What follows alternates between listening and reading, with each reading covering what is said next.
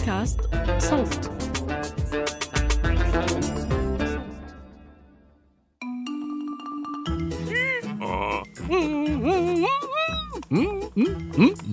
يا صبايا ويا شباب شلهوب عاد بعد غياب.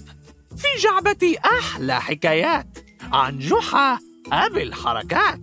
حكيم الحمقى وأحمق الحكماء.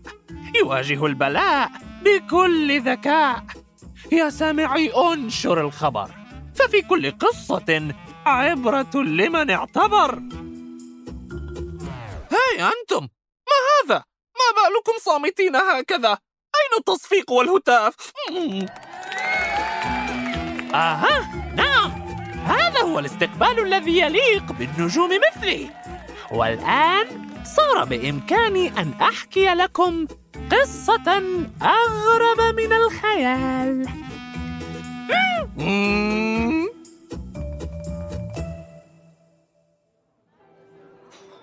حكايتي عن جحا وعدالة الحكم. بدأ كل شيء عندما لبيت وجحا دعوة قاضي القضاة لحضور حفل في داره.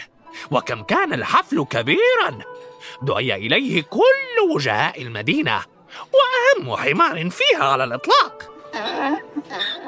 امتلأت الموائد بكل ما لذ وطاب من طعام وشراب. أما شلهوب فقدموا له أشهى أنواع البرسيم وأكثرها طزاجة. وعمت البهجة الأجواء. عذرا على المقاطعة يا سادة. إنما وددت أن أشكركم على تلبيتكم دعوتي. وها نحن نقوم بواجبنا يا قاضي القضاء. وأقسم بأني لن أغادر قبل أن ألتهم كل ما تقدمون من ضيافة وأكثر. فأرجو ألا تقاطعنا ثانية. بالعافية يا أشعب بالعافية. أعدك بأني لن آخذ من وقتكم الكثير. فقط أردت أن أعرفكم بمسعود شقيقي الصغير الذي جاءنا زائرا من مدينة الزمرد. كان مسعود شابا نحيلا وطويلا وقف بالقرب من قاضي القضاة مبتسما ولوح للجميع. مرحبا يا قوم. أنا مسعود. أرجو ألا أكون ضيفا ثقيلا عليكم. وقد قررت البقاء في مدينتكم لبعض الوقت. هو شاب مهذب هذا المسعود. أهلا بك يا مسعود. أنا اسمي جحا. نرحب بك في مدينتنا ونرجو أن تطيب فيها إقامتك مهما طالت. هذا من لطفك يا سيد جحا. شكرا لك. جحا يا مسعود واحد من أرقى وأنبل سكان مدينتنا وأكثرهم نباهة وطرفة أيضا. شكرا يا قاضي القضاة أتمنى دائما أن أكون عند حسن ظنكم. وأن أما آن لهذا المهرجان الخطبي أن ينتهي يا جماعة؟ نريد أن نتابع تناول الطعام. نعم كان حفلا في منتهى الرقي. غادرناه جميعا سعداء مليئي البطون. أما مسعود فقد ترك انطباعا إيجابيا في نفوسنا. كشاب هادئ خلوق. على الأقل هذا ما ظنناه ليلتها. ففي صباح اليوم التالي في بيت جحا. كريمة كريمة ما بك تصرخين يا كريمة؟ لست أنا من صرخت يا جحا. الصوت آت من الخارج. من الملعون الذي فعل هذا بدجاجاتي؟ آها هذا صوت جارتنا جواهر. يبدو أن مكروها أصاب دجاجاتها. سأذهب إليها لأطمئن وأتحقق من الأمر. انظر انظر يا جحا ماذا فعلوا بدجاجاتي الحبيبات؟ كان مشهدا مضحكا بحق. فجميع دجاجات جواهر كن عاريات تماما من الريش. هذا غريب. فمن ذا الذي يسرق ريش الدجاج؟ من دون أن يسرق الدجاج نفسه. هل تشكين بأحد يا جواهر؟ على الإطلاق. ولكن لابد أن يكون شخصا يبدأ اسمه بحرف الميم. وأشارت جواهر بيدها إلى أحد جدران الخم حيث رأينا حرف ميم كبيرا جدا رسم بطلاء أسود. بسرعة اقترب جحا منه ليتفحصه باهتمام. مم. الطلاء لم يجف بعد. هذا يعني أن الفاعل لم يبتعد كثيرا. أرجو منك أن تقبض على هذا اللص يا جحا. لا أظن أنه لص يا جواهر. فاللصوص عادة لا يتركون أدلة وراءهم عن قصد. الحقوني ها؟ هذا يبدو كصوت أشعب يستغيث. هيا يا شلهوب!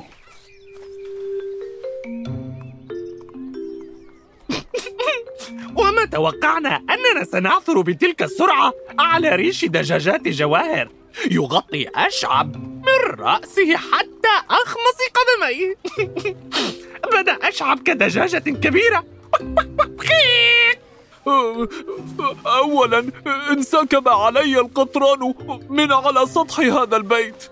ثم هطل علي كل هذا الريش والتصق بي جحا. أي والله. وبالطبع لم تتمكن من رؤية الفاعل مع كل هذا الريش الذي يغطيك. أنا لا أتمكن حتى من رؤيتك واقفا أمامي. هل تعرف من يسكن هذا البيت؟ هذا البيت مهجور منذ زمن بعيد. ومكتوب على بابه حرف الميم بطلاء أسود. أعتقد أن هناك من يستمتع بالتلاعب بنا.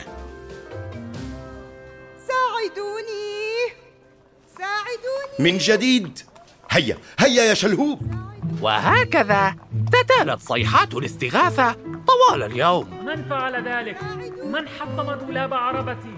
من سرق الغسيل؟ هرتي.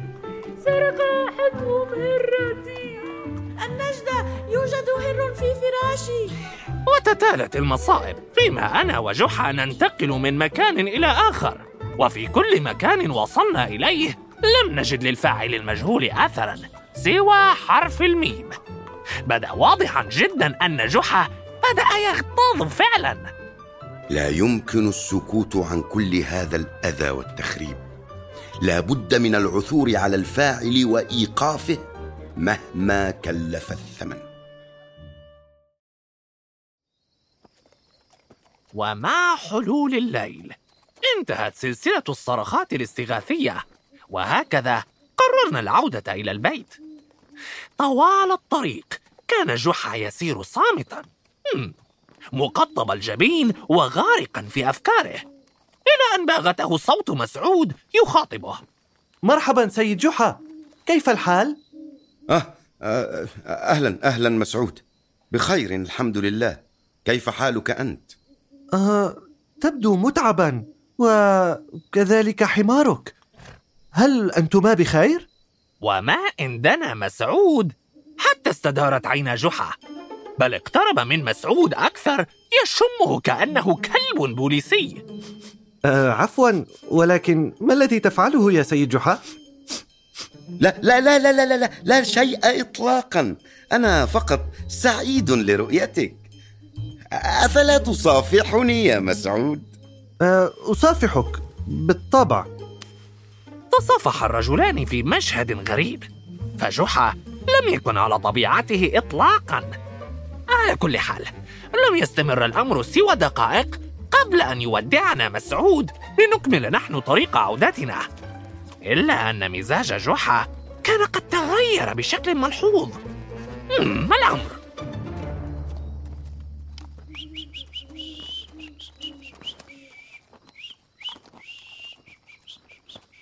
ابتسامة رضا علت وجهه. فإما حدث أمر ما دون أن ألحظ فأبهجه هكذا. وإما فقد جحا عقله فعلا هذه المرة. نسأل الله السلامة.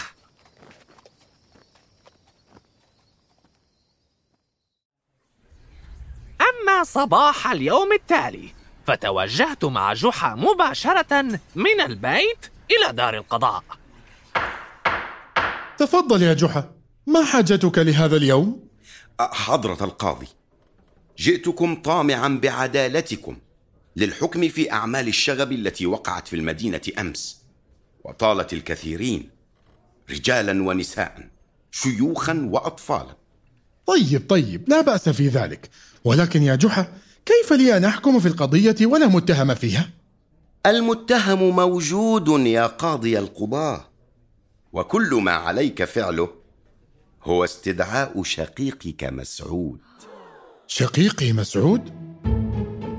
وما علاقته بالموضوع؟ ستفهم كل شيء بمجرد أن يحضر إلى المحكمة أيها الحاجب اذهب إلى داري وتعال بصحبة شقيقي مسعود لو سمحت يا حضرة الحاجب اطلب منه أن يحضر معه عباءته التي كان يلبس في الأمس أيضا غادر الحاجب على الفور وبالفعل لم يمض من الوقت الكثير حتى عاد يحمل كيسا قماشيا كبيرا ومعه مسعود. ولكن على أي أساس يتهم جحا مسعود؟ فما هو إلا مجرد شاب خجول خلوق. هل العباءة في هذا الكيس؟ نعم لكن ما حاجتكم إلي هنا أنا والعباءة؟ ألا يشرح لي أحد؟ أظنك تعرف جيدا لما أنت هنا يا مسعود. يا جناب قاضي القضاة هلا فتحت الكيس وشممت رائحة عباءة أخيك؟ ما هذه الرائحة؟ كأنها رائحة قطران؟ إنها رائحة قطران بالفعل يا حضرة القاضي. شممتها على أخيك مسعود ليلة أمس. لما التقيته صدفة. أما حين صافحته فلاحظت وجود آثار دهان أسود اللون. أشك بأنها زالت تماما حتى وإن غسل يديه جيدا. فهلا ترينا كفيك يا مسعود؟ آها! رفع مسعود كفيه وبالفعل كانت آثار الدهان الأسود موجودة كما قال جحا. طيب يا جحا طيب فهمنا. رائحة قطران ودهان أسود. ماذا بعد؟ وما علاقة كل هذا بالقضية؟ الجاني غطى أشعب المسكين بالقطران والريش الذي نتفه من دجاجات جواهر. وفي كل مكان افتعل فيه مشكلة. ترك توقيعه بطلاء أسود. حرف الميم. أول احرف اسمك يا مسعود. أوف! معقول؟ مسعود هو من قام بكل هذا الأذى أمس؟ يا حيف! ما رأيك يا مسعود؟ هل جحا محق فيما يقول؟ وقبل أن تجيب أذكرك بأن الكذب سيتسبب بمشكلة أكبر إن كنت أنت الفاعل للأسف السيد جحا محق فيما يقول يا للهو لقد اعترف من كان يظن أن هذا الشاب الخجول طيب الملامح هو في الواقع مجرم مخرب مم. حسن إذا أحكم عليك بغرامة مالية مقدارها عشرة دنانير ذهبية تدفعها لأمر جحا على الفور. عفوا يا حضرة القاضي. هذا الحكم مخفف جدا. وهل تريدني مثلا أن أحكم عليه بالإعدام؟ لا ابدا. لكن التخريب الذي افتعله مسعود تسبب بخسائر مادية تتجاوز قيمتها الخمسين دينارا. الزم حدودك يا جحا. أنا القاضي هنا. وهذا عملي وهذا ما حكمت به. والآن يا مسعود ادفع ما عليك من غرامة. لكني لكني لا أملك المال الآن. فقد نسيت فقد نسيت محفظتي في الدار وقد طلبتم حضوري على عجل. فهل تأذن لي أن أذهب وأحضرها؟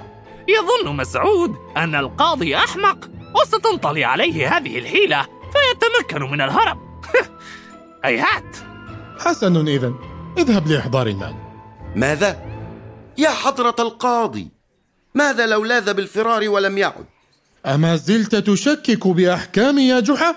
كلمة واحدة من هذه الاعتراضات السخيفة وسأزج بك في السجن بتهمة ازدراء المحكمة. وهكذا صمت جحا. أما مسعود فغادر المحكمة ليحضر محفظته. وبالطبع مرت الساعات دون أن يعود. ماذا كنت تنتظر؟ وما كان من جحا إلا أن غادر دار القضاء غاضبا. حتى أنه لم يصحبني معه. أنا مالي.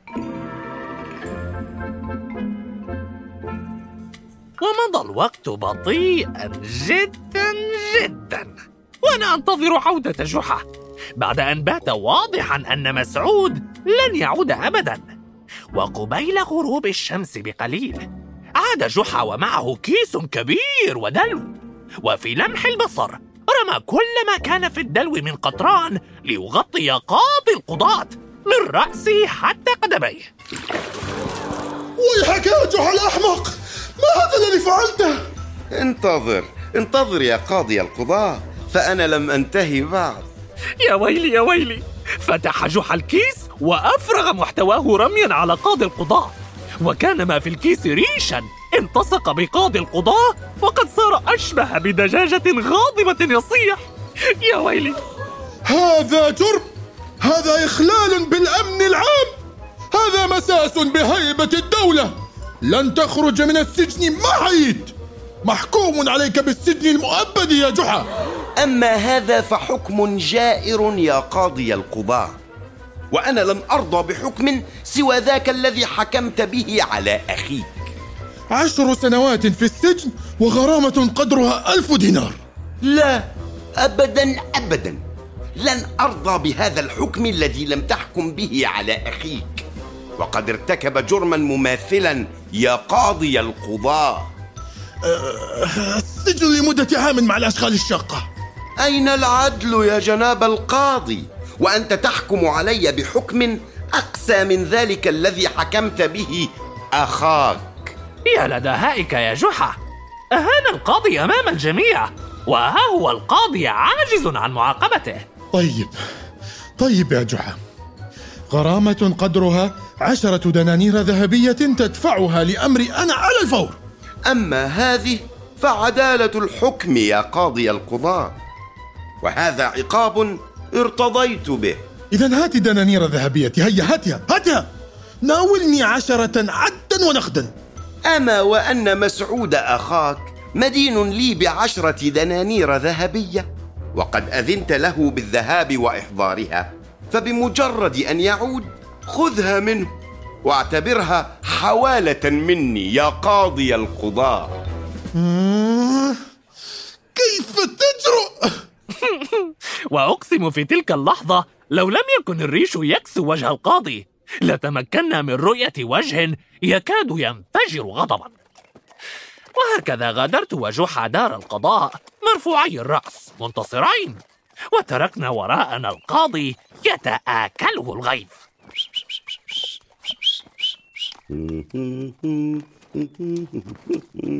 أما مسعود المخرب فلم نسمع عنه بعد ذلك اليوم شيئا وأغلب الظن أنه فر بعيدا خوفا من عقاب أخيه وما تسبب له من إحراج.